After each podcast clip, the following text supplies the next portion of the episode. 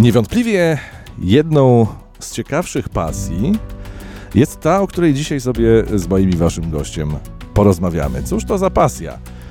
Ano się wsiada do takiego mniejszego bądź większego urządzenia, kręci się śmigłem albo włącza się silniki odrzutowe i fru, i będziemy lecieć z ptakami. Paweł Ptaszyński, dzień dobry, wieczór, zapraszam.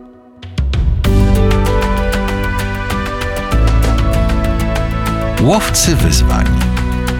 Podcast dla tych, którzy się ich nie boją. Dzisiaj, dzisiaj o swojej latającej pasji opowiadać będzie Michał Wojnar, czyli m, pilot. No, można tak powiedzieć, dokładnie. Cześć, bo, bo, wszystkich. bo już masz, już masz licencję e, e, pilota, tak? To jest pilot z samolotów tur, turystycznych. Tak, dokładnie to jest Private Pilot License i można to przetłumaczyć właśnie na polskie jako licencję pilota turystycznego. Tak, PPL-ka tak zwana. jest. Okej. Można potocznie tak mówić, często się słyszy, to właśnie ktoś, kto jest pilotem samolotów takich mniejszych, turystycznie lata, to ma PPL-kę tak zwaną właśnie. Dobra. Michał, ostatnie twoje zrealizowane wyzwanie, bo każdy to pytanie dostaje na dzień dobry. Cóż to było w twoim przypadku? O, o kurczę, ostatnie Mniejsze bądź większe, wyzwanie. Prywatne bądź, bądź nieprywatne, lotnicze bądź nielotnicze. To nie musi być coś spektakularnego. Dla mnie wyzwaniem było na przykład dzisiaj wstać rano. Tak, no myślę, że to jest dobre, dobre wyzwanie, bo jednak poniedziałkowy poranek, żeby wstać rano wcześniej i powiedzmy zrealizować jakąś małą listę zadań o, o, od rana, to jest dobre, dobre wyzwanie, któremu polecam każdemu do realizacji. A co było w twoim przypadku? Właśnie to? No, musiałem posprzątać kuchnię. O, właśnie. To, no to, to, to, o, to ja współczuję. No To, to jest wyzwanie. Michał, zaprosiłem cię po to, żebyś opowiedział właśnie o tej pasji, o tym, jak wygląda w ogóle y, droga do, do zrealizowania tego, tego marzenia, skąd ono się w ogóle wzięło u ciebie. To zacznijmy od tych pierwszych takich początków, gdzie w głowie małego Michała zapewne zakiełkowała taka ale fajny samolocik. Pamiętasz taki moment? E, tak, w sensie dokładnie może nie, ale jestem w stanie określić w historii swojej, e, kiedy to mniej więcej nastąpiło. E, otóż od wizyty u mojego wujka Zbyszka, którego serdecznie pozdrawiam, Pozdrawiamy. e, od niego się to wszystko zaczęło. A wujek Zbyszek jest pilotem także? E, Nie, on nie jest pilotem, ale również jest pasjonatem lotnictwa i swoją pasję realizuje poprzez sklejanie plastikowych modeli. A, okej. Tak, i e, podczas pierwszej wizyty u jego w domu, którą pamiętam, właśnie zapamiętałem widok mnóstwa, dziesiątek modeli plastikowych samolotów wojskowych, śmigłowców, czy to też e, innych cywilnych maszyn. No i chyba to był właśnie ten moment, w którym gdzieś tam coś mi zaskoczyło i stwierdziłem, dobra, i idziemy w to. Fajnie by było, nie? No ale, to- ale poszedłeś w modelarstwo najpierw. Tak, tak. No, wtedy e, podczas tej wizyty no, miałem no, kilka lat, może sześć, może pięć. To było naprawdę wczesne, wczesne dzieciństwo. No i tak, tak jak właśnie powiedziałeś, zaczęło się od modeli. Wiadomo, no, na początku składałem je z rodzicami, no, pomagali mi w tym, potem próbowałem trochę samemu.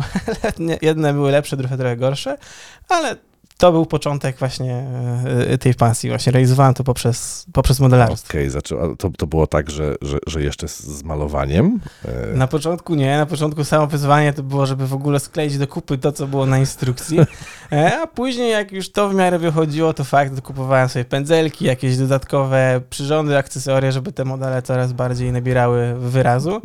No i aktualnie niestety z braku czasu zarzuciłem tę pasję, ale zdarza mi się, że gdzieś tam jeszcze przeglądam modele, żeby sobie kupić coś tam i może, a, złożyć w wolnej chwili, ale tak, na razie e, tak to wygląda. ja, ja pamiętam, że, że u mnie e, też miałem taki mm, epizod e, z, z modelarstwem, tylko że u mnie się zawsze kończyło, wiesz, srebrny metalik i wszystkie samoloty wyglądały dokładnie tak samo, bez żadnego malowania. Pamiętasz e, pierwszy model, który skleiłeś? O, chyba tak. Chyba tak. To był samolot e, z pierwszej wojny, e, przepraszam, z drugiej wojny światowej.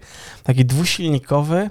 E, nie pamiętam dokładnie modelu, ale to był chyba Bullfighter. Jakoś tak on się nazywał. E, I pamiętam, że z mamą go sklejałem wtedy jakoś. To, to chyba był pierwszy model. Niestety, no, skończył jak większość, czyli w katastrofie lotniczej z jakiejś półki. E, ale no, tak, to, to był pierwszy model, dokładnie. No i dobra, to, to model, e- etap modelarstwa, Tak. a później co? No, później jak już trochę podrastałem, to wiadomo, jak każdy młody chłopak, e, zainteresowałem się grami komputerowymi. Pojawił się w domu komputer, e, więc coraz więcej czasu tam spędzałem. No i wiedziałem o tym, że jest coś takiego jak symulator lotu. No więc poprosiłem tatę, tata kupił mi joystick, kupił mi, to było Microsoft Flight Simulator 10 bodajże, no i od tego się zaczęło, tak? czyli mm, na początku to było po prostu zwykłe zwykła zabawa, utrzymanie się w powietrzu, w cudzysłowie, tak, oczywiście tym samolotem, no ale później e, w miarę zdobywania doświadczenia, wiadomo, internet już był, tak, więc można było czerpać z tego dużo wiedzy. No i czytając, rozwijając się pomału, to moje latanie nabierało na tym symulatorze no, coraz więcej sensu, tak. Oprócz latania bez celu, no, dochodziło latanie mm, powiedzmy na takiej sieci VATSIM, która symuluje rzeczywiste procedury, tak, czyli są piloci wow. e, oraz kontrolerzy, no i jakby zadaniem obu tych grup jest właśnie odzorowanie tych procedur, które mm, na co dzień realizują piloci w rzeczywistości.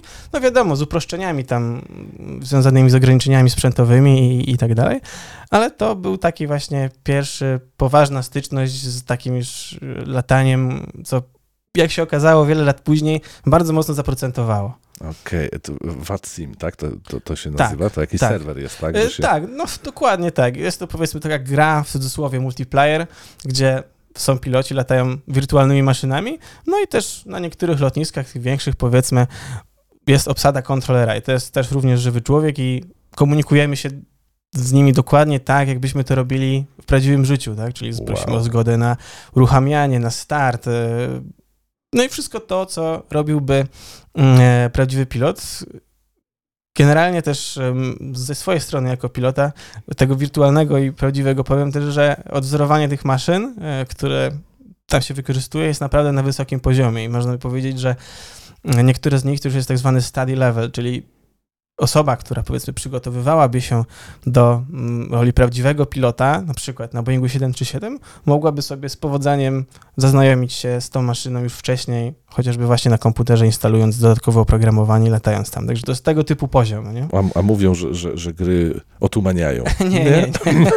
Nie, tutaj zdecydowanie powiem, że jest to wspaniałe e, rozwinięcie pasji i wiele osób tak zaczynało. Zaczynało od gdzieś tam komputera, tak, od symulatora i później właśnie przechodziło się do prawdziwego latania, aż na końcu na prawy fotel, czy lewy, tak, na kapitana do jakiejś maszyny pasażerskiej już. Fiu, fiu. E, gry komputerowe, powiedziałeś, że tam tak. ten, ten, ten stopień odwzorowania jest dosyć, e, dosyć duży. No i tak sobie grałeś i grałeś, na początku to tam, żeby w ogóle wystartować, tak? tak? A później, żeby tam... A, a tym kontrolerem lotu tam w tej, w tej grze to tak chętnie ludzie chcą zostać, czy raczej jednak fruwają? Raczej jednak fruwają, ale to też z tego względu, że zostanie kontrolerem e, w tej sieci nie jest takie proste. To już trzeba, powiedzmy, zapisać się do specjalnego oddziału, nazwijmy to, e, takiej wirtualnej kontroli i oni przeprowadzają szkolenia takiego kontrolera już. Wiadomo, że jest to uproszczone, ale są pewne szczebelki, tak, zaczyna się od najniższej mm, stopnia kontroli, czyli powiedzmy mm, tak zwany ground, czyli kontroluje się ruch naziemny, potem przechodzi się teraz wyżej na tak zwaną wieżę, czyli tower, no i później dalej na kontrolę obszaru czy zbliżania, tak, ale to są właśnie takie szczebelki, no i ze względu na to, że to jest dość trudne, jednak tych kontrolerów jest mniej, a pilotem no, może praktycznie zostać każdy, który spełnia minimalne wymagania związane właśnie no, z umiejętnością przede wszystkim opanowania tej maszyny, rozumieniu też poleceń kontrolera i, i, i w zasadzie tyle, nie? No, a na przykład zdarza się tak, że, że podłączają się tam jacyś lamerzy i robią, robią gnój? Niestety tak. niestety tak, dobrze to ująłeś, niestety tak, ale głównie właśnie są to niestety piloci, e, którzy no nie do końca jakby traktują to poważnie. Okej. Okay można powiedzieć, że ostatnimi czasy właśnie jest coraz więcej takich sytuacji i e, no to już nie jest to, co kiedyś, powiedzmy, nie? Czyli coś, co, co kiedyś było, jeżeli dobrze rozumiem, takim bardzo elitarnym, fajnym, zamkniętym kręgiem, to się po... troszkę, zrobiło się popularne. Troszkę i... tak, właśnie z uwagi na to, że ostatnio wyszła nowa edycja Flight Simulatora, to bardzo dużo osób przyszło. E, jak najbardziej ogólnie, żeby nie było, nie, tutaj e, nie odradzam nikomu dołączenia, ja zachęcam wszystkich, tylko właśnie, żeby spełnić te minimalne wymagania nauczyć się czegoś na początku i potem, żeby sobie ani też innym nie psuć zabawy, y, fajnie sobie wspólnie działać, nie? Jakby na tym to, to, to polega i frajda tutaj jest właśnie z tego, że jak najbardziej można odzorować te procedury wszystkie, nie? I, Jakie... I to jeszcze do tego w dodatku za niewielki koszt właściwie, bo to tylko komputer Tak, z komputer, wystarczy joystick najprostszy, jakiś w okolicach 200 zł, gra, tak, też około 200 zł i powiedzmy za, za, za te mm, parę Niewielkie stówek, tak, niewielki koszt można już komuś, się bawić, komuś nie? pozawracać gitarę. Tak, No dobra, to ile, ile lat tak sobie fruwałeś na, na symulatorze? O, zacząłem jakoś tak w podstawówce, z tego co kojarzę, to mniej więcej była no, trzecia klasa, może jak już tak trochę podrosłem. No i kontynuowałem tę przygodę praktycznie do, do liceum, tak? Czyli przez te 4-5 lat gdzieś tam, gdzieś tam się bawiłem.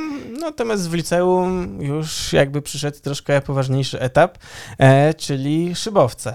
Okej. Z, tak. I Tak. to już, to już była taka decyzja, że jak będziesz tam bliżej pełnoletności, E, Michał nieuchronnie zmierza do pełnoletności i E, tak, no było też to podyktowane e, trochę wymaganiami, tak, bo e, obecnie tak, żeby uzyskać taką licencję e, pilota szybowcowego, no trzeba mieć 16 lat. mhm. Wcześniej, liceum. tak, no dokładnie, więc e, mm, między, między pierwszą a drugą klasą liceum zapisałem się na kurs teoretyczny w Waru Klubie Ziemi Lubuskiej, no i tam do uzyskania licencji szybowcowej e, latałem. Okej. Czy, to, czy ten, czy ten e, etap szybowcowy jest niezbędny do dalszej nauki, czy można od Nie. razu Nie. na PPL-kę wskoczyć? Można od razu jak najbardziej wskoczyć na PPL-kę, natomiast jeżeli ktoś jest młody, ma więcej tego czasu właśnie w liceum, kiedy są wakacje, e, a interesuje się tym tematem, to uważam, że jest to bardzo fajne przede wszystkim spędzanie wakacji. E, Fajna opcja na to, by e, poznać wielu ciekawych ludzi ze świata lotnictwa, by się wkręcić trochę w aeroklub, no co później tak na dobrą sprawę procentuje przez cały czas późniejszej kariery pilota turystycznego czy zawodowego, no bo osoby, które poznałem na kursie szybowcowym, czy mieszkając w namiocie na polu namiotowym na lotnisku, no to non-stop mamy ze sobą kontakt, co roku gdzieś tam staramy się spotykać, wymieniać jakieś doświadczenia, nie? Niektórzy y, y, już są nawet kapitanami, tak, na dużych pasażerskich samolotach, także e, jest to bardzo, e, bardzo korzystne, uważam, i rozwijające. Czyli to tak, tak mówiąc w dużym skrócie, no, prześledziliśmy kilka lat twojego życia i to, to tak od razu wiedziałeś, że jak już będziesz 16, to idziemy w szybowiec? E, Aż tak dokładnie nie. To, to pomysł na szybowce pojawił się trochę później. Mm, e, Na etapie powiedzmy tych gier na symulatorze jeszcze tego tak dokładnie e, wymyślonego nie miałem. Tak? To też ewoluowało podczas właśnie między innymi spotkań z ludźmi, którzy już mieli więcej doświadczenia. Ale tak, no te szybowce się pojawiły no, jako wstęp taki do latania, ale też, no mówię, świetną przygodę i lekcje e, lotnictwa, tak? E, Jedną z gałęzi, tak bardzo ciekawą przede wszystkim, tak? No bo no, szybowiec No nie- lata bez nie, silnika, nie a mimo to, silnika. tak, mimo to potrafi w powietrzu ponad 10 godzin czasami nawet się utrzymywać, tak? Bez... e, Są nawet mistrzostwa szybowcowe, Oczywiście, prawda? są zawody, są Kto dalej, kto dłużej. E, No akurat jeżeli chodzi o szybowcowe, to ogólnie właśnie kto najszybciej przeleci, nie? Aha. Tak, powiedzmy jest wykładana trasa, jest tam kilka punktów e, zwro- zwrotnych i ogólnie liczy się kto, kto najszybciej, kto uzyska największą tą średnią prędkość, nie? W ten przypadku, w przypadku szybowców, no to tam generalnie fizyka i meteorologia robią swoje, nie? Tak, tak. Tak na dobrą sprawę, e, latając na szybowcach, to trzeba być wszechstronnie wykształconym, powiedzmy, może nie wykształconym, ale w sensie mieć pojęcie w wielu dziedzinach. E, oprócz tego rzeczywiście, że fizyka lotu i zrozumienie tego, jak to działa, jest bardzo ważne. Meteorologia również, tak? Umiejętność czytania chmur, e, tego, czy za chwilę tej termiki nie będzie, jak ona się będzie kształtować, e, ale nawet znajomość upraw rolniczych.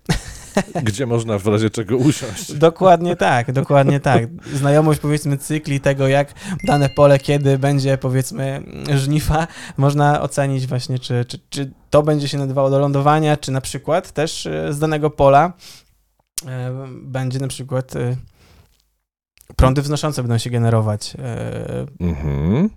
O, to jest też... Wspomniałeś o tej termice. Tak. wy, wyjaśnijmy tym, którzy nie, nie, nie kleją o co chodzi. Chodzi Rozumiem. o te, o te ciepłe masy powietrza, które idą do góry. Dokładnie tak. No chodzi o to, że mm, różna powierzchnia nagry, nag, nag, nagrzewa się w różnym tempie. Mamy powiedzmy las zielony, on trochę dłużej będzie się e, nagrzewał, no ale mamy na przykład jakieś czarne, zaorane pole. Taka powierzchnia będzie bardzo szybko się nagrzewać i będzie też to ciepło szybciej oddawać. No i w momencie, kiedy to powietrze nad takim czarnym polem, załóżmy, się nagrzeje, no to w pewnym momencie jest wyzwalane e, i uwalniane do, do góry, tak? I unosi się, e, co na końcu daje nam chmurę, cumulus na przykład, Mhm. tak? Mm. No i pilot, szukając tak zwanej właśnie termiki, właśnie patrzy po kontraście, czyli gdzie będzie się bardziej względem innego e, terenu nagrzewało, e, nagrzewała powierzchnia. No i podlatuje tam, no i czasami się udaje, czasami nie, bo to też wiadomo, cyklicznie się odbywa, nie?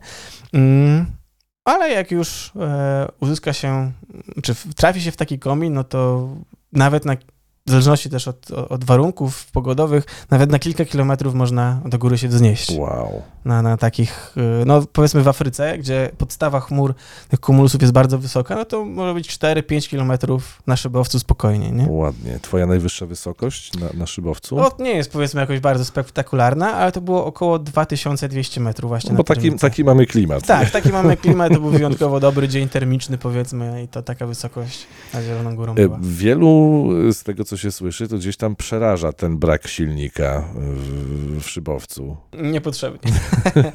Niepotrzebnie. Generalnie e, szybowce e, e, radzą sobie świetnie, jak widać w powietrzu. Więc każdego zachęcam, żeby przełamać ten strach, gdzieś tam zakręcić się może w aeroklubie, bądź wykupić sobie taki lot zapoznawczy właśnie, żeby, żeby to, e, to przeżyć, no bo to są fajne emocje. No szybowiec jest lżejszy dużo, prawda? Dużo lżejszy na pewno, chociaż obecnie technika pozwala na to, by te samoloty ultralekkie, tak zwane, dorównały tym, tym osiągom, jeżeli chodzi o masę, ale tak, jest lekki, e, dużo z niego widać, e, pozycja jest troszkę taka półleżąca, jak powiedzmy trochę w bolidzie Formuły 1, Mm, no i zdecydowanie czuć to powietrze, jak się leci tym, e, ty- tym szybowcem i e, no można się poczuć jak ptak, tak? Dziękuję. E, mm, czekaj, bo chciałem zapytać o... Właśnie, a ja z jaką prędkością lec, leci szybowiec taką? E, Tutaj akurat e, wiele mojej odpowiedzi będzie to zależy. To zależy. Dokładnie. To zależy od tego, na jakim szybowcu jesteśmy i co aktualnie w tym szybowcu chcemy robić. Okej. E, natomiast e, taki podstawowy szybowiec do szkolenia, bardzo popularny puchacz, Hu, hu. e, tak, e, no lata z prędkościami około 90 km na godzinę, powiedzmy, będąc w kominie, w krążeniu, do około 120-130 km na godzinę, będąc na tak zwanym przeskoku, czyli na dolocie między jednym a drugim kominem termicznym, nie? Okej. No, natomiast jeżeli chodzi o wyczynowe już takie szybowce wyścigowe, powiedzmy, no to już nawet 200 km na godzinę i, i więcej czasami może być. Okej, jakaś taka... Właśnie, a jak, a jak z lądowaniem? No bo tak, bo nie ma silnika, no jak gdzieś tam... No, próba jest tylko jedna. Tutaj nie ma opcji na odejście na drugi krąg. E, Natomiast e, wygląda to w ten sposób, no, że pilot no, musi odpowiednio zaplanować sobie to podejście e, do tak zwanego pola, jeżeli to jest lądowanie w terenie przygodnym, na tym, lub też do lotniska, co ostatecznie jest naszym celem, tak, żeby właśnie oblecieć trasę i ją wrócić i wrócić na, Okej. na, na miejsce startu. No i pilot też uczy się na kursie szacować tą wysokość bez użycia tylko na podstawie projekcji pola względem kabiny E, e, i uczymy się też odpowiednich technik e, na takim kursie. Jest na przykład esowanie, czyli powiedzmy, jeżeli jesteśmy za wysoko względem odległości, jaką mamy do mm, pasa startowego, no to wykonujemy esy, żeby Takim zwiększyć wężem. drogę, jakby, ale jednak cały czas być, może inaczej, zwiększyć drogę, którą szybowiec przeleci, ale względem pasa cały czas gdzieś tam się przybliżać i być po tej bezpiecznej stronie. Żeby Mm, wytracać wysokość. żeby wytracać wysokość, tak, dokładnie. E, można wykonać ślizg. No, na niektórych szybowcach mm, jest to na przykład jedyna opcja, e, aby zmniejszyć wysokość i wyhamować, z tego względu, że nie mają tak zwanych hamulców aerodynamicznych, czyli to są takie powierzchnie, które wysuwają się jakby prostopadle do powierzchni skrzydła, powodując duży opór, no i dzięki temu szybowiec może e, zmniejszyć wysokość. Niektóre tego nie mają, i wymaga to e, zdecydowanie też um, większych umiejętności pilotażu od pilota, nie? Okej. to, to wykonać prawidłowo i bezpiecznie. Zdarzyło ci się w polu gdzieś? Raz było bardzo blisko. Tak, ale, ale, ale później się udało znaleźć komin i uciekłeś. Tak, tak. Wtedy wspiąłem się po prostu na wyżyny swoich umiejętności pilotażu i e, trochę szczęścia oczywiście też w tym było, e, że Ale sam ten leciałeś, czy to jeszcze... Sam, tak. A. Wtedy już le leciałem oso szybowcem jednomiejscowym, e, więc no byłem stany sam na siebie wtedy. I no było ciepło, naprawdę Adrenalina. było. na szczęście ostatecznie ten komin e, jakby nabrał na sile i pozwoliło to na wykręcenie wysokości e, takiej, która już zapewniała mi dolot bezpieczny do lotniska. Aż ze mnie powietrze zeszło teraz. Tak, no, A to e, ile, ile y, y, godzin trzeba przefruwać na szybowcach, żeby, żeby już samodzielnie zasiąść za sterami? Mm, ech, no to również zależy od tego, jakie mamy indywidualne predyspozycje. Mhm. Jest powiedzmy program szkolenia, który określa minimalną liczbę godzin, jaką pilot musi przelecieć z instruktorem, ale o ostatecznym dopuszczeniu e, tego pilota e, do lotów samodzielnych decyduje już instruktor. E, no i to jest około kilkunastu godzin. Zwykle trzeba Już? polatać z, z instruktorem. No tak, w zasadzie tak. Wow, to tak szybko trochę. No, Aktualnie te wymagania do licencji pilota się zmniejszyły na pewno względem tego, kiedy mm, ja realizowałem to szkolenie, więc aktualnie nie jestem w stanie powiedzieć e, dokładnej Mhm. liczby. Jak ja zaczynałem e, się szkolić, to trzeba było mieć co najmniej 45, żeby mieć licencję. Aha, szybowcowo. A, tak, szybowcową. A swój lot zrealizowałem no też po około 10 godzinach, tak? Tam w, e, przede wszystkim to szkolenie na początku, to było szkolenie e, startów i lądowań, bo to Mhm. lądowanie jest najważniejsze. Samo latanie oczywiście No wyci- też, wyciągarka, wyciągarka tam ten szybowiec wyciągnie Dokładnie, do góry, nie? dokładnie. Natomiast lądowanie i bezpieczne przyziemienie to, to na początku jest e, główny element szkolenia. Później dopiero są takie elementy jak właśnie szukanie tej termiki i wykorzystywanie tych prądów wznoszących do, do, do lotu. I to było w liceum. Tak, to było w liceum i swoją przygodę z szybowcami kontynuowałem no, do studiów. E, czyli przez całe liceum, później parę lat studiów e, e, też. E, no i z biegiem czasu niestety już te szybowce pomału odchodziły, bo ja akurat e, nie poszedłem w latanie mm, wyczynowe tymi szybowcami, tak, czyli nie brałem udziału w zawodach. E, Jest to oczywiście bardzo fajna forma realizowania hobby lotniczego, natomiast czasochłonna. Czasochłonna. Tak, bo tutaj akurat, by spędzić w tym powietrzu powiedzmy te 2, 3, 4 godziny w ciągu dnia, no to raz, że musi być dobry dzień, ale dwa, to musi być drużyna ludzi, powiedzmy, która ogarnia te loty szybowcowe, więc czasami Mhm. e, spędzało się na lotnisku od samego rana do wieczora, Żeby godzinę polatać. żeby godzinę polatać. Tak, I poczekać na swoją I kolejkę. poczekać na swoją kolej. No właśnie, to jest akurat to, że czasami to szkolenie e, podstawowe e, jest dość wymagające z tego względu, e, właśnie jeżeli chodzi o cierpliwość i, i, i o wytrwałość w tym, ale zdecydowanie warto tutaj ten etap przejść. No jest to też pewnego rodzaju jakaś szkoła charakteru, dlatego polecam. Jeśli jako- ktoś się zastanawia, to jak już się dłużej nie zastanawia, to go realizuje. Jako aktywność. Dobra, no to te szybowce tak do studiów, mówisz. Tak. Y, No później się zrobiło trochę nudno. Znaczy, no, przyszła praca, e, przyszły też już inne plany związane z, z lataniem. E, no mówię, do, do tej pory e, latanie szybowcami to była tylko rekreacja, trochę powiedzmy sport, ale przydałoby się pójść gdzieś dalej, tak? Czyli Jakiś silnik. jakiś silnik z przodu zobaczyć, albo- jakieś albo na kręcące się. Tak jest. Dobra, no to jaki to silnik, to za chwilę sobie porozmawiamy.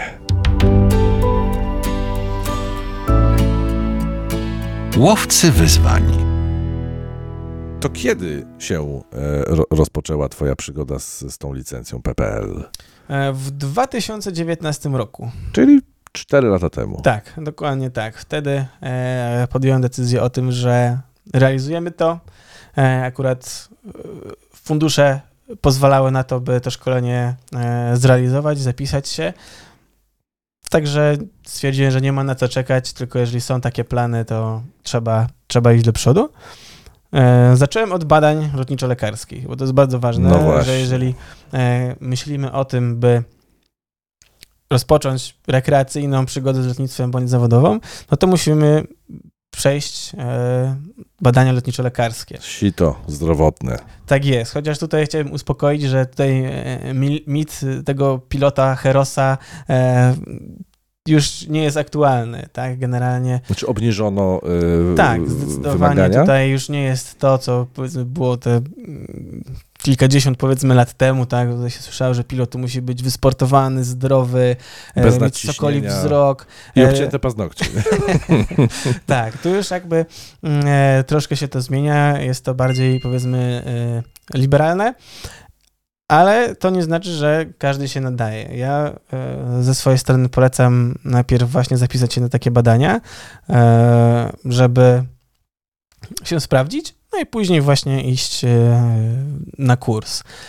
Generalnie mamy dwie klasy. Jest to e, druga klasa e, i ona pozwala na latanie właśnie turystyczne, latanie szybowcowe. Natomiast jeżeli myślimy o lataniu zawodowym, musimy to e, już śrubę dokręcić sobie i myśleć o pierwszej klasie, w zasadzie innego, innej Mówisz o możliwości. tych wymaganiach zdrowotnych, tak? Tak jest. Ozdrawanie to są klasy zdrowia, czy klasy tego Jasne. orzeczenia lotniczo-lekarskiego, które dostajemy. I ty się szarpnąłeś już na... Na pierwszą, Na tak. pierwszą. No, nie było jakby innej możliwości, no bo inwestycja, jeżeli chodzi o koszty, jest dość spora. E, chciałem już na początku wiedzieć, czy moje predyspozycje są wystarczające, czy, czy spełnię wymagania, więc zrobiłem badania wstępne na e, właśnie tą pierwszą klasę. Przeszedłem je z pozytywnym e, wynikiem, no więc nic nie stało na przeszkodzie, żeby zapisać się na kurs teoretyczny. Tak? Od tego zaczyna się. Po takim kursie teoretycznym jest praktyka.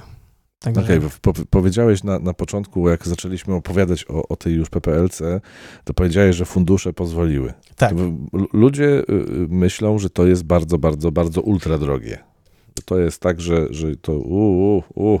Mm, to Ja- jest A jak jest? ciężki temat, to również tutaj odpowiem. To zależy. To zależy. To zależy, tak. E, akurat e, mówiąc o naszym rejonie, zachodnie, część zachodnie województwa czy południowy zachód, tam gdzie ja się szkoliłem, tam gdzie latałem, e, ceny były no, przystępne, powiedzmy, e, na tamten czas za mm, licencję e, turystyczną, e, za teorię, praktykę, plus dodatkowo jakieś wyposażenie takie mm, niezbędne dla pilota, zapłaciłem około 30 tysięcy złotych. Wow. To jest sporo. Niestety trend jest taki, że jest coraz drożej i e, jeżeli chcemy powiedzmy wyszkolić się tak A to tak na dzień dobry tylko, tylko jeden, jeden raz, czy to się rozkłada gdzieś tam na jakieś kilka lat? generalnie, e, e, jeżeli chodzi o szkolenie turystyczne do licencji właśnie, jeżeli chodzi o szkolenie teoretyczne, no to tak, no to tam zwykle właśnie, ono jest tańsze, około 2000 zł kosztuje, natomiast później praktykę już można się dogadać i to wszystko zależy od metod finansowania i tego, jak się dogadamy, nie? Okej. Ale raczej jak to szkolenie intensywnie po, postępuje, to ten wydatek e, dość spory, jeżeli chodzi o, o jednorazową taką inwestycję. Natomiast później możemy to tempo w sobie już sami narzucać, tak? Jeżeli m, idziemy dalej, myślimy o tym, żeby latać zawodowo, e, no to już w swoim tempie możemy Mhm. mm, do kolejnych etapów, powiedzmy, przystępować. Y, Jak dużo ty, tego latania szybowcowego jest w tym, w tym lataniu już rekreacyjnym? To, to jest tak, że jak przychodzisz na teorię, a to te pierwsze 5 godzin mogę sobie e, e, odhaczyć, bo już to mam. Dokładnie tak, dokładnie tak. Warunkiem natomiast jest to, żeby licencja szybowcowa była ważna, czyli w okresie roku wstecz były minimalne e, ilości godzin e, wylatane. Okej. Mając to, możemy właśnie skrócić sobie część teoretyczną o e, bodajże 4 albo 5 przedmiotów, które są wspólne dla jednej i drugiej licencji oraz część praktyczną na samolocie też możemy sobie skrócić. W moim przypadku wyszło około 3 godzin. Jest liczone w ten sposób. E, 10% ze swojego nalotu dowódczego na szybowcu, Czy już indywidualnie? tak, Jako dowódca tak, jako dowódca statku powietrznego, 10% z, nawo- z nalotu dowódczego, przy czym może być to maksymalnie 10 godzin. Mhm. Okej, się, ja akurat miałem tam 30 parę, więc mi te 3 godziny około odeszły. E, I w sumie licencję e, samolotową, tą turystyczną, PPL-kę, zdobyłem po około 42-43 godzinach e, szkolenia. E, Prakty, praktycznie już w- w powietrzu tak, z instruktorem. O, o, szkoleniu praktycznym. Tam też jest 10 godzin lotów samodzielnych e, i to tak jakby składa 20, się... 25% y, jest sa- samodzielnie, tak? Tak, tak, Okej. około, no około tak, tak mniej więcej wychodzi. Tam 10 godzin, z tego co pamiętam, program e, zakłada. Jak dłu- długo y, zajęło ci zrobienie takiej licencji? E, Zacząłem e, latać, mówimy tutaj już o szkoleniu praktycznym, e, we wrześniu e, jakoś, 2019 roku e, i e, trwało to praktycznie do kwietnia 2020. Niestety po drodze wszedł COVID, e, Mhm. więc tutaj to mocno opóźniło cały proces. E, No i z racji też tego, że latałem mm, w miesiącach już jesiennych, e, zimowych, no to również ma duży wpływ. Tak, e, jednak e, no, latamy czy szkolimy się, gdy pogoda spełnia określone minima mm, dotyczące widzialności poziomej i podstawy chmur. Jeżeli to schodzi poniżej, bądź też pada deszcz, e, no to niestety loty były przekładane. No i stąd też to trwało tyle. Natomiast słyszałem o rekordzistach, którzy e, w dwa tygodnie, trzy potrafili cały program e, do licencji Łącznie zrealizować. z praktyką. E, samą praktykę. Samą praktykę. Tak, bo teoria, Okej. no to tutaj akurat już no, trzeba swoje odsiedzieć, Mhm. powiedzmy, mówimy tutaj o kilkunastu, kilkudziesięciu godzinach e, wykładów w różnej formie. Ja akurat realizowałem to praktycznie w 100% zdalnie. Były Mhm. wykłady, które oglądałem, plus były e, takie sesje online z instruktorem, ale są też e, w pełni stacjonarne kursy, gdzie po prostu weekendami się e, z instruktorem na sali wykładowej spotykamy. E, No i to wszystko zależy od ośrodka szkolenia, w którym realizujemy szkolenie, tak? Bo ty całość robiłeś w Aeroklubie Ziemi Lubuskiej. Nie, Nie. akurat jeżeli chodzi o przygodę z samolotami, to rozpocząłem ją we Wrocławiu, Okej. e, w aeroklubie wrocławskim. I później właśnie też z lotniska we Wrocławiu zdobywałem pierwsze doświadczenia e, lotnicze. Dopiero teraz, względnie niedawno, przeniosłem się tutaj do Aeroklubu Ziemi Lubuskiej, gdzie już realizuję e, wszystkie etapy do licencji zawodowej. A okej, dobra, czyli, czyli tam jest te, te 40 godzin fruwania e, w tej, tej pierwszym, tak? Tak. A, a to, to zawodowe, to, to jak to wygląda? E, No generalnie tak, mamy przede wszystkim dużo e, większe wymagania, żeby taką licencję e, w ogóle mieć. Tak, jeżeli chodzi o doświadczenie lotnicze, no to żeby przystąpić do kursu, to musimy mieć co najmniej 150 godzin już na swoim logbooku Wylatane. E, wylatane, tak. Na swoim koncie musimy już tyle mieć. E, natomiast, żeby uzyskać licencję, bo mówimy o tym rozpoczęciu kursu, ale to jest jedno. Mówimy o uzyskaniu licencji, Mhm. czyli to jest druga sprawa, to już musimy mieć tych godzin 200. Sam A, kurs to jest około 15 do 25, w zależności od wcześniejszych etapów, e, jakie zrealizowaliśmy. No więc no, musimy też wiele wylatać sami. Tak? Kończąc licencję e, turystyczną, minimalnie mamy powiedzmy do 45, kończąc kurs, więc no jeszcze te kilkadziesiąt tam godzin trzeba w jakiś sposób wylatać. Metod jest y, wiele, powiedzmy na to. Czy są jakieś programy stypendialne dla takich pilotów? E, stypendialnych w takich mm, rozumieniu... e, Czy szukamy źródeł finansowania? Okej, e, najlepiej bogaci rodzice. To, to, kochany, każdy by ale, tak chciał. ale e, powiedzmy, mm, e, w moim przypadku wyglądało to tak. E, na studiach, akurat ze względu na swoją działalność studencką, e, udało mi się dostać mm, stypendium ministra. Była to jednorazowa e, taka, takie wsparcie w kwocie kilkunastu tysięcy złotych. No to już jest na... To już jest powiedzmy dobry start. E, warto się o takie coś postarać. E, plus powiedzmy wsparcie rodziców, plus to, co sobie odłożyłem gdzieś tam pracując, pozwoliło mi na to, by już e, zacząć tą licencję turystyczną. No później niestety, no cały czas, te 50 godzin następnych, które wylatywałem, no to latałem z własnej kieszeni. Ale są też e, inne na to tańsze sposoby, na przykład można się zakręcić w aeroklubie i e, holować szybowce do startu. Tak? To jest jedna e, z takich najpopularniejszych i dostępnych aktualnie metod. No z tym, że też... I to e, też się wlicza w ten, w ten tak, czas? oczywiście. To się wtedy wlicza w ten na, nalot, nasz ogólny nalot dowódczy, tak? Mm, no tak, to mi póki co przychodzi do głowy, mm, żeby latać za darmo przede wszystkim, Okej. nie?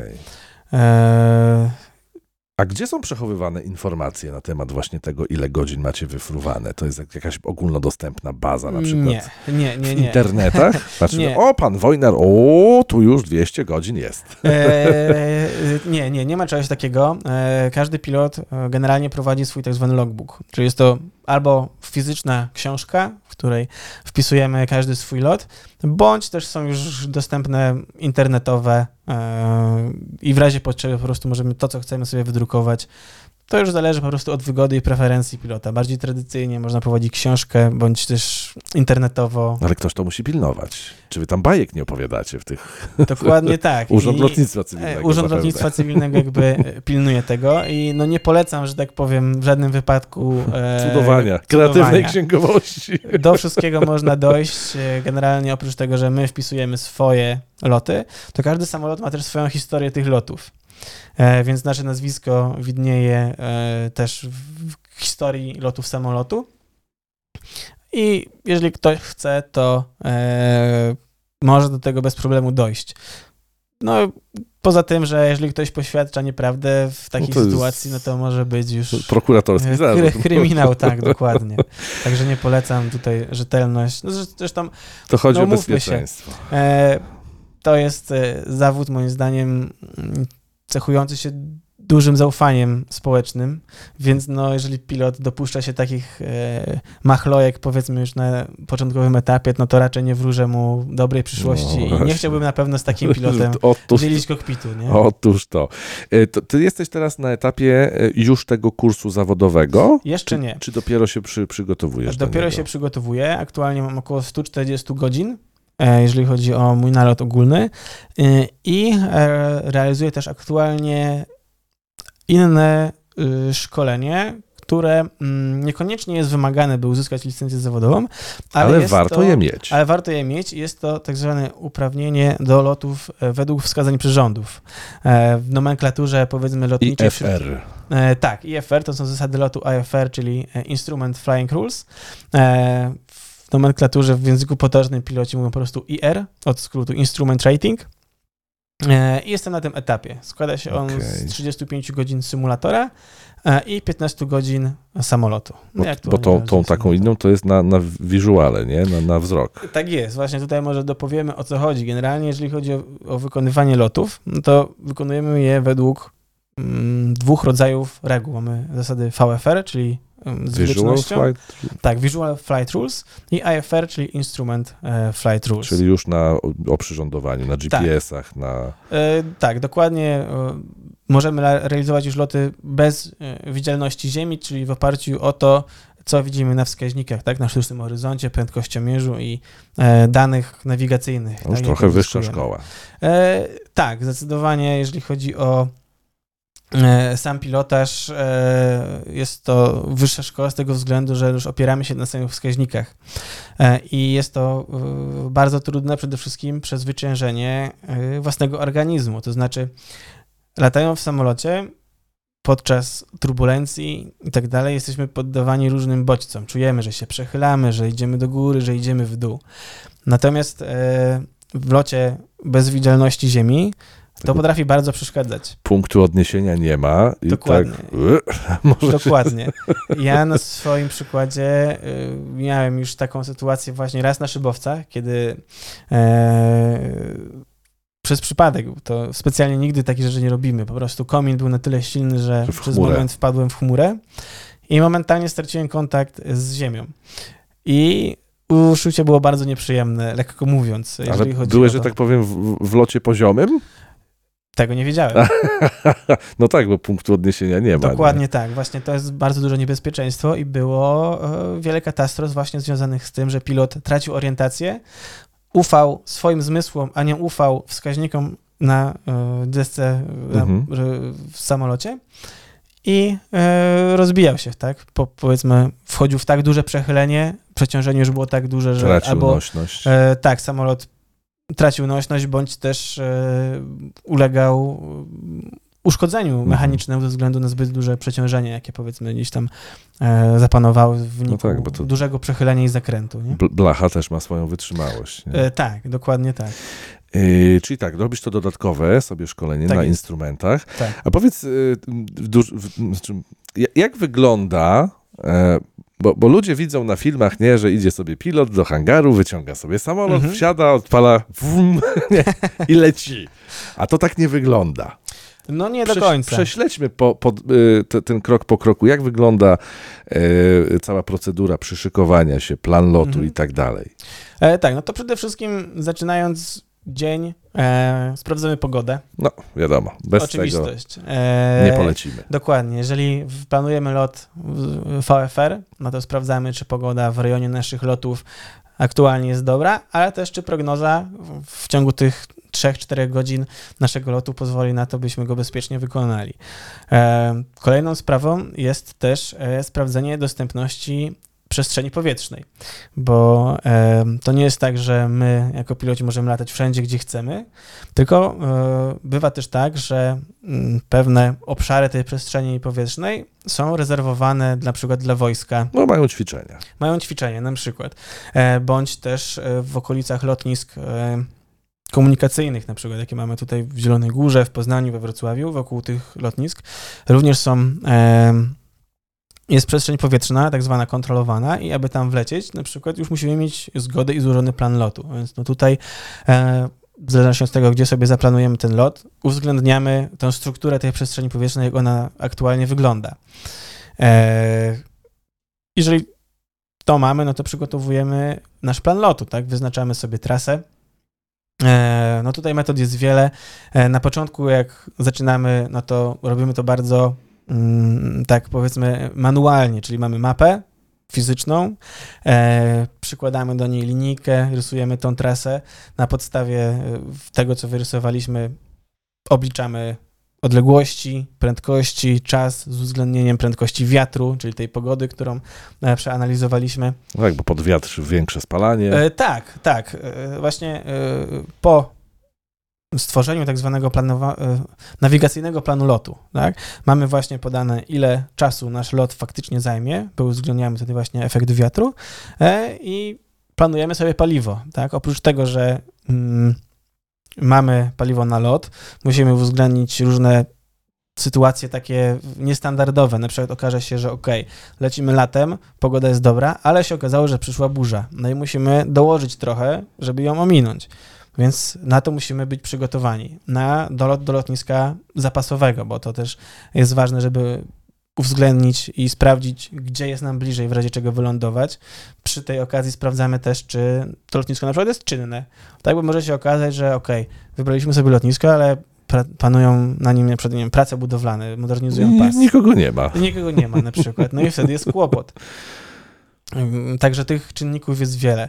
E, oczywiście też nigdy nie latamy na styk. Mamy też zawsze rezerwę, z którą pilot musi wylądować, bo jeżeli będzie miał tego paliwa za mało, no to już jest to na przykład e, nielegalne i w dużym lataniu zawodowym jest to... I to traktowane jako incydent. Tak, to już lotniczy. jest incydent, a w, powiedzmy, gdy tego paliwa już jest mniej niż tak zwany final reserve, no to już sytuacja jest emergency, tak? Czyli trzeba już, zgłosić to. Tak, to już wtedy jest traktowane bardzo poważnie. I tego jeszcze, przepraszam, ale tego jeszcze nie powiedzieliśmy, że cały czas to, o czym mówisz, y, to są te malutkie turystyczne samoloty typu Cessna na przykład. E, Małe tak, awionetki. E, tak, mówimy cały czas tutaj o takim lataniu turystycznym. I to zobaczcie, posłuchajcie, jak to wygląda, że, że nawet przy takim malutkim rekreacyjnym lataniu, z takim, taką małą maszyną, trzeba się tam ostro no, na, przygotować. Tak, na ja przygotowywać. Oczywiście ze swojej perspektywy, jak to wygląda.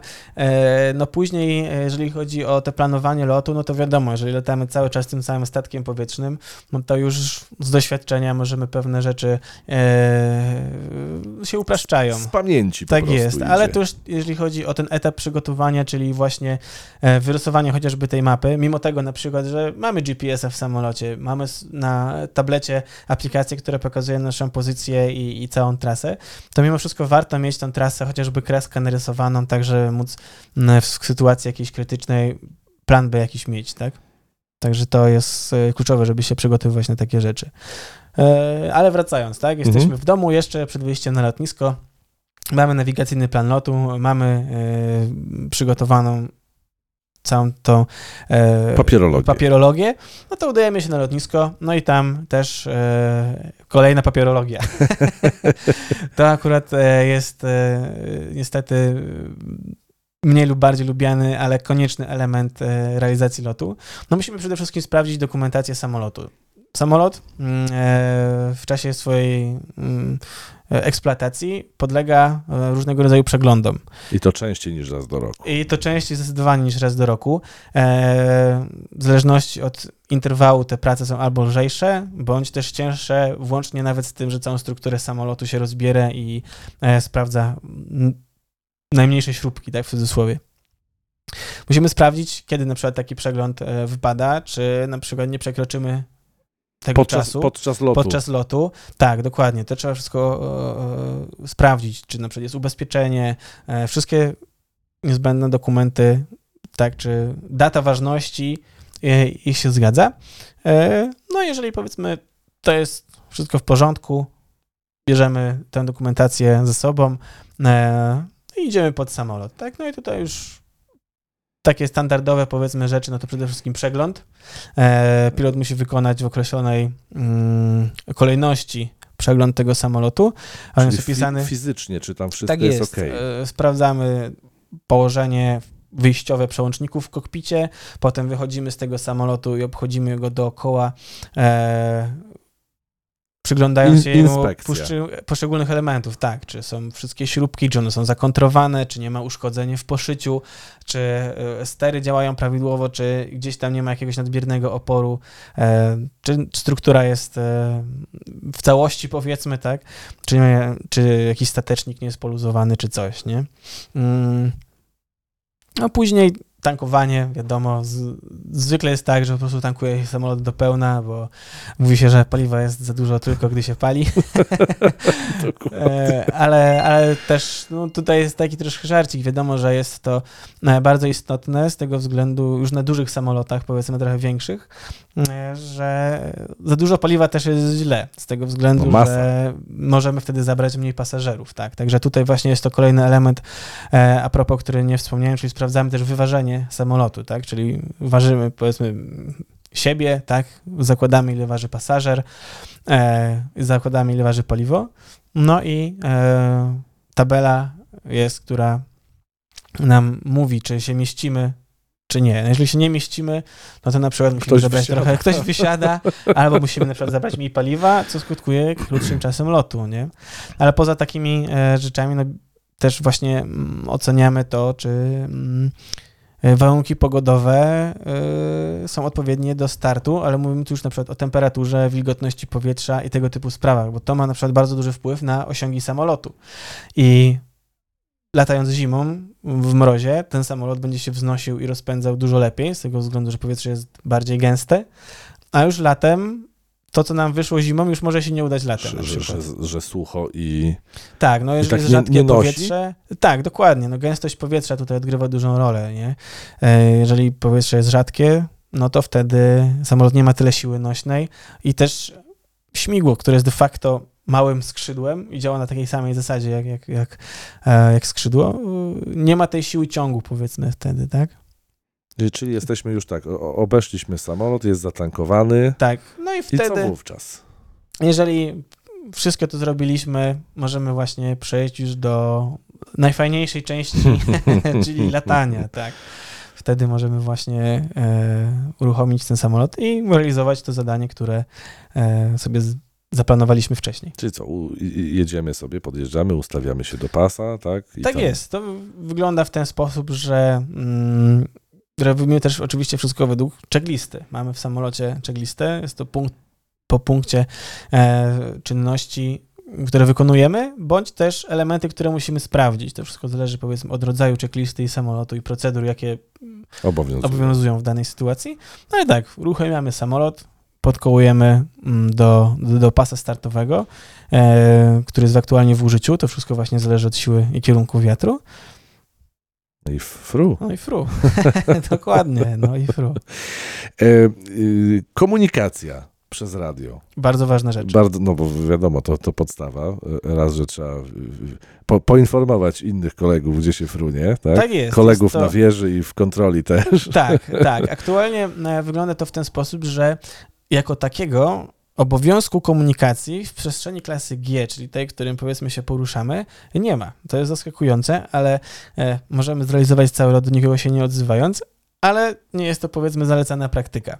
Przede wszystkim e, musimy informować innych pilotów o swoich zamiarach, mimo tego, że nie ma aktualnie nikogo, bądź nikt się nie odzywa, więc nie wiemy, czy ktoś nie leci przypadkiem w naszym rejonie, więc warto, e, warto mm, e, po... mówić o swoich zamiarach. Tak? Czyli, że kołujemy, e, będziemy wykonywali start na takim i takim kierunku i co po tym starcie będziemy w najbliższym czasie robić to mówimy tutaj o komunikacji na takim małym lotnisku, powiedzmy, euroklubowym, gdzie może być, powiedzmy, kierownik lotów, ale wcale nie musi.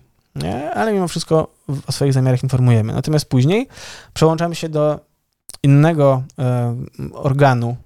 Nadzorczego. Nadzorczego to jest lepsze słowo niż, od, o, niż organ kontroli, bo mhm. e, przełączamy się. Mm, e, na tak zwaną służbę informacji powietrznej. Nie jest to swego rodzaju taki kontroler ruchu lotniczego jak na wieży, e, na lotnisku takim dużym, e, tylko właśnie informuje nas o ruchu dookoła, jaki mamy, e, informuje nas o warunkach pogodowych na trasie powiedzmy przelotu. I to już obejmuje taki większy obszar. To już nie? tak, to już generalnie obejmuje większy obszar. Tych obszarów w Polsce jest bodajże pięć albo sześć, chyba pięć. I w danym obszarze rozmawiamy tak z tym kontrolerem, przepraszam, nie kontrolerem, e, tylko informatorem, informator. powiedzmy, tak, to jest informator.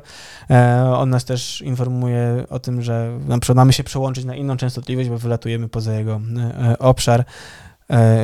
Może nam przekazać E, e, też dane o tym, że jakaś przestrzeń jest aktywna, czy zbliżamy się na przykład do niej zbyt blisko i żeby, żeby unikać. Trochę. Tak, tak, tak. Także jest to bardzo ważne i bardzo pomocne i sam się też o tym przekonałem. Ja jak y, y, widzę, y, że, że te, te, te, komunikacje, to ja mam wrażenie, że wy te mikrofony zjadacie.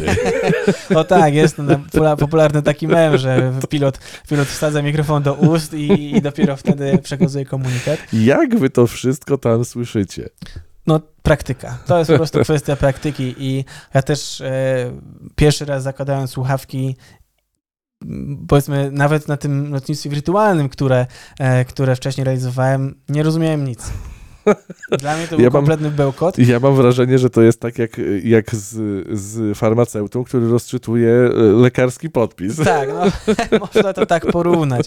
Ale im dłużej powiedzmy w tym siedzimy, im dłużej się osłuchujemy i przede wszystkim e, znamy zasady korespondencji, to staje się to coraz jaśniejsze, bo mm, w lotnictwie e, nie porozumiewamy się takim potecznym językiem. Mhm. Wiadomo. Cześć dzichu, słuchaj, ja bym chciał wylądować. Nie, nie, to akurat właśnie tak nie wygląda. Są standardowe e, frazy, które w założeniu rozumie każdy na częstotliwości, mhm. bo przeszedł szkolenie, tak?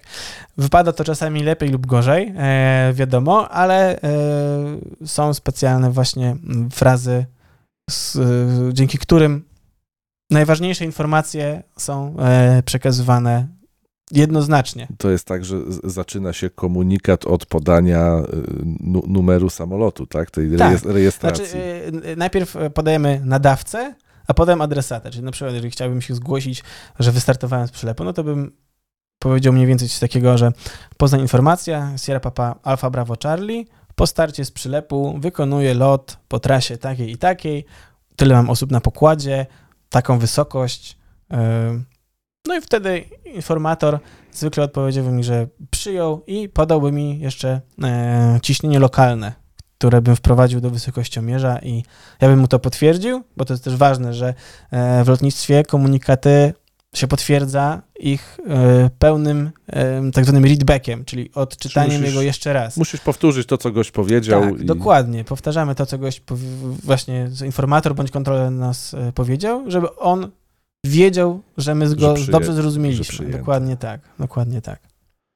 Wow, ale tego jest dużo. Mogli... Jest dużo. Zobacz, Wydaje mnie- się tak, że to jest naprawdę, naprawdę sporo tej wiedzy i e, bywa to przytłaczające naprawdę. No ale ale- jak, jak to się rozłoży na jakiś tam okres. Tak, no my tutaj to- rozmawiamy 20-30 minut. Nie, i już godzinę. już godzinę. już godzinę. No i tych informacji jest naprawdę dużo, ale e, to, o czym ja mówię, e, jakby spojrzeć na A to jest ten tylko czas. lotnictwo rekreacyjne, nie? E, No tak, ale to, to są dziesiątki godzin w powietrzu, ale wcześniej też w ławce, e, także mm, na spokojnie to wszystko też można opanować, nie? Dlatego to jakby te szkolenia są, żeby to przyswoić. Żeby, żeby ktoś się nauczył, nie? No i też przede wszystkim jest tak, że jeżeli instruktor widzi, że nie nadążamy, powiedzmy, że po, potrzebujemy więcej czasu, no to y, nie ma tutaj pośpiechu. No, bo to wiadomo, że, że Od żart, tego zależy życie, tak? żart, żartów brak, bądź co bądź. Takie prawo jazdy na samolot to już nie w nie? Powiedz, Michał, jak, y, jak dalsze twoje kroki będą wyglądały? E, Mówisz o tym szkoleniu teraz, które robisz dodatkowe, a Tak później co? E, Generalnie tak, jeżeli chodzi o moje już obecne doświadczenie, no to mam licencję turystyczną, o której mówiliśmy. Niedawno zrobiłem też dodatkowe uprawnienie na e, samoloty wielosilnikowe, tak? Czyli jak latałem teraz głównie samolotem, który ma silnik z przodu, to teraz mogę latać też samolotami, które na przykład mają dwa silniki na skrzydłach. Jest to wymóg. E, Ale śmigła. ale śmigła, tak, tak. Następnie teraz e, realizuję to szkolenie do latania według przyrządów, no i na końcu będę realizował kurs do licencji e, zawodowej. Po pomyślnym zdaniu egzaminu to nie koniec, dalej trzeba jeszcze się szkolić. Faktycznie No pilot uczy się cały czas, można by powiedzieć. E, później, by móc latać zawodowo w linii lotniczej, e, przechodzi się dodatkowe szkolenie, tak zwane MCC, czyli Multi-Crew e, Cooperation. czyli- Wieloosobowa załoga. tak jest, bo do tej pory lataliśmy sami. W sensie mogłem mieć na prawym fotelu pasażera, na pilota też, ale w rozumieniu takim przepisu nie byliśmy załogą wieloosobową. Mhm. No bo ty byłeś jedynym dowódcą. Tak, ja byłem jedynym dowódcą, jedynym powiedzmy pilotem, który odpowiada za ten lot. Natomiast duże samoloty pasażerskie mm, e, są już na tyle skomplikowane, na tyle wiele się rzeczy dzieje naraz, No to jedna, jedna, jedna para oczu to za mało. że jedna para osób zdecydowanie to za mało, tak? I yy, właśnie ten kurs przygotowuje e, pilota na to, jak w takiej załodze e, współpracować, żeby odbywało się to przede wszystkim właśnie bezpiecznie. Kto odpowiada za co? Tak, dokładnie, bo później e, idąc do pracy do linii lotniczej, e, piloci działają według tak zwanego SOP, czyli Standard Operating Procedure i tam już jest dokładnie wszystko rozpisane, w jakiej fazie lotu, kto za co odpowiada, tak? W kokpi- kokpit jest podzielony na mm, pewne obszary odpowiedzialności. E, no i bardzo ważne jest to, żeby każdy wiedział, co w danej sytuacji e, ma robić. No, Chodzi o to, żeby nieważne z kim lecimy, to zawsze będzie standardowa zawsze, procedura taka zawsze ten sama. lot musi wyglądać dokładnie tak samo, jeżeli chodzi o przeprowadzone Czyli to- procedury. To nie jest tak, że sobie można urozmaicić, że a Stefan, to teraz ty popatrz kurczę na silniki. Nie, nie, nie, to nie jest tak właśnie, że e, wiadomo, każdy kapitan ma też swoje cechy, e, Mhm. każdy człowiek ma swoje cechy, e, osobowości, e, one się tam mniej lub bardziej przejawiają w kokpicie, natomiast bardzo ważne jest to, żeby radzić sobie z takimi rzeczami i przezwyciężać, gryźć się czasami w język. Wszystko głównie dla dobra Lotu i dla pasażerów. dobra lotu, tak, dokładnie. No i co będzie dalej? Jakiś, jakiś horyzont czasowy tego spełnionego marzenia jest? Widzisz już gdzieś tam siebie na tym fotelu kapitana? Tak, generalnie takie wizje się już przejawiają. Dokładnie, jeżeli tutaj mówimy już o jakiejś konkretnej linii lotniczej, e, takich sprecyzowanych jeszcze planów nie mam. Mam pewne antypatie i sympatie. E, tutaj jeżeli chodzi o model samolotu, to zdecydowanie mm, Boeing 737. Znaczy jest sympatią. E, Sympatią, Sympatią, tak, zdecydowanie. E, ale ostatnio właśnie miałem okazję e, polatać troszkę na symulatorze Airbusa O, i jest to też bardzo, bardzo przyjemny i e, samolot do latania i wygodny przede wszystkim do, do pracy. no mam już wszystko komputer robi, nie? No Większość. tak, to już ten romantyzm powiedzmy gdzieś tam w tym samolocie tego latania zanika, e, ale też dzięki temu jest to e, lżejsze dla pilota, bo jakby głównie o to chodzi. Niestety, no, latanie zawodowe, komercyjne e, jest przede wszystkim nastawione na komfort pasażera, na bezpieczeństwo tego lotu i e, no to, że pilot e, chciałby sobie gdzieś tam polatać, schodzi na dalszy plan. Niestety e, odbiera się tutaj trochę ten romantyzm, ale dalej jest to zawód marzeń wielu, moich, no, moich też. No bo to właśnie w tym lotnictwie takim komercyjnym, pasażerskim to jest tak, że wy musicie tam wystartować, a później się włącza autopilot i nara, nie? No obecnie faktycznie tak to wygląda, że e, w dużym uproszczeniu pilot za, zaraz po starcie może włączać autopilota i technologia już pozwala na to, żeby ten samolot sam wylądował. Oczywiście pilot nadzoruje ten cały czas lot, musi też wprowadzać odpowiednie parametry, wiedzieć kiedy to robić i rozumieć to, no bo wiadomo, autopilot to jest jedno, ale to my odpowiadamy za to, co się dzieje. No i nie może być sytuacji takiej, w której pilot mówi ja nie wiem, nie rozumiem. Nie wiem, Dlaczego, dlaczego, dlaczego tak robi ten samolot? Gdzie on chce lecieć? Nie, nie, to... A jak sztuczna inteligencja przejmie samoloty, to co? No, ty, ty, ej, Airbus, halo, tutaj lecimy w tą stronę. Nie, nie, a nie. No, myślę, że w niedalekiej, znaczy w niedalekiej, w przyszłości na pewno czeka nas e, automatyzacja tego. No już mamy e, autonomiczne samochody.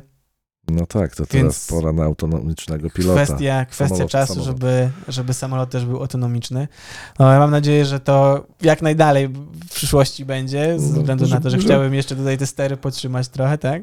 E, ale no tak będzie. Myślę, że taka jest przyszłość, jeżeli chodzi o latanie, że to będą już No to roboty. Ja robić. życzę, żeby, nie, nie prędko, żeby jednak żywy człowiek odpowiadał. No. Głównie, głównie właśnie też chodzi o to w tym, że mm, e, no, sztuczna inteligencja czy, czy programy komputerowe no, robią to, do czego zostały zaprogramowane, mają algorytm, bądź też pewne e, rozwiązania, które gdzieś tam ta sztuczna inteligencja poznała na etapie jakby jej tam mm, przygotowania. No ale dalej człowiek jest... E, potrafi O- ostat- niestandardowo myśleć. Poza, ogniwem. Poza powinien. tak, tak, tak. Dlatego e, z jednej strony paradoksalnie obecnie człowiek jest też, mm, czy może inaczej, czynnik ludzki jest przyczyną wielu e, zdarzeń lotniczych teraz, ale też jest niezastąpiony w pewnych kwestiach, nie? Decydowania. Tak, to jednak, jednak człowiek z tego względu chociażby tej, tej, tej nadzo- nadzoru nad tym lotem długo nie zostanie moim zdaniem wyeliminowany. Z czego sobie i Państwu życzę, drodzy, drodzy piloci. Michał, bardzo dziękuję, że, Również dziękuję. e, że wdepnąłeś poopowiadać. Ja myślę, że tutaj moglibyśmy całą serię stworzyć. e, No jest, jest naprawdę wiele tematów i w- tutaj dużo żeśmy tak no, upraszczali, tak, bo to są Dokładnie. naprawdę, tem, każda, każda gałąź to może być tematem rzeką, nie? Ale tym niemniej e, miło było Cię gościć. Również. Michał Wojnar, pilot, być może przyszły e, kapitan statków e, pasażerskich, komercyjnych. Jak będziecie gdzieś tam z Babimostu, Fruneli albo skądinąd na wakacje, to być może ten pan będzie Was tam wiózł. Dzięki bardzo i Dziękuję pozdrawiam. również.